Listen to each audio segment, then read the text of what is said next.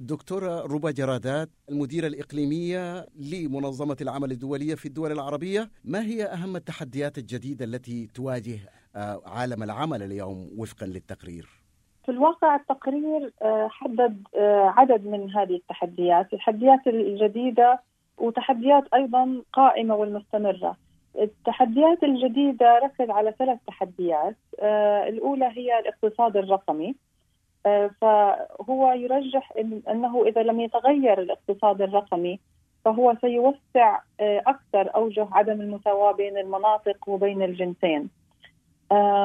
والتحدي الثاني هو يتعلق بالمناخ آه، حيث آه، يتوقع التقرير أن تقضي أجندة باريس للمناخ تفضي عفوا على فقدان أكثر من 6 ملايين وظيفة.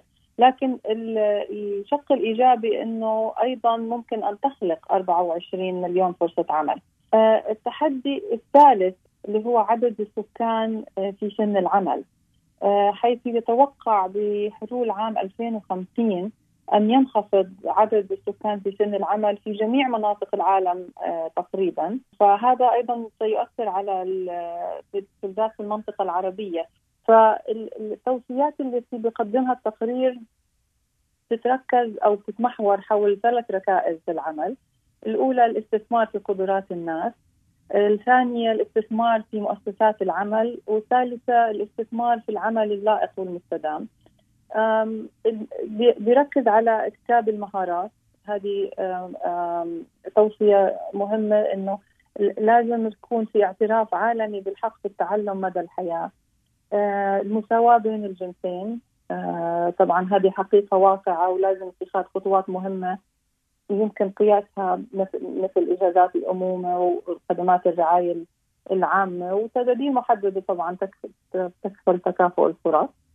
إذا ما هي التوصيات التي يقدمها هذا التقرير؟ خصوصا في تطوير وحماية مستقبل العمل آه، في المنطقة العربية مثلا؟ هذه التوصيات يعني طبعا تتاثر في العالم العربي بس العالم العربي إحنا عارفين إنه في بيشهد العديد من الحروب والنزاعات. طبعا طاقمت أكثر شيء بالتحديات سوق العمل موجودة أصلا آه، في المنطقة. يعني أكثر كانت التحديات بمجال البطالة العدالة الاجتماعية عماله الأطفال الحمايه الاجتماعية.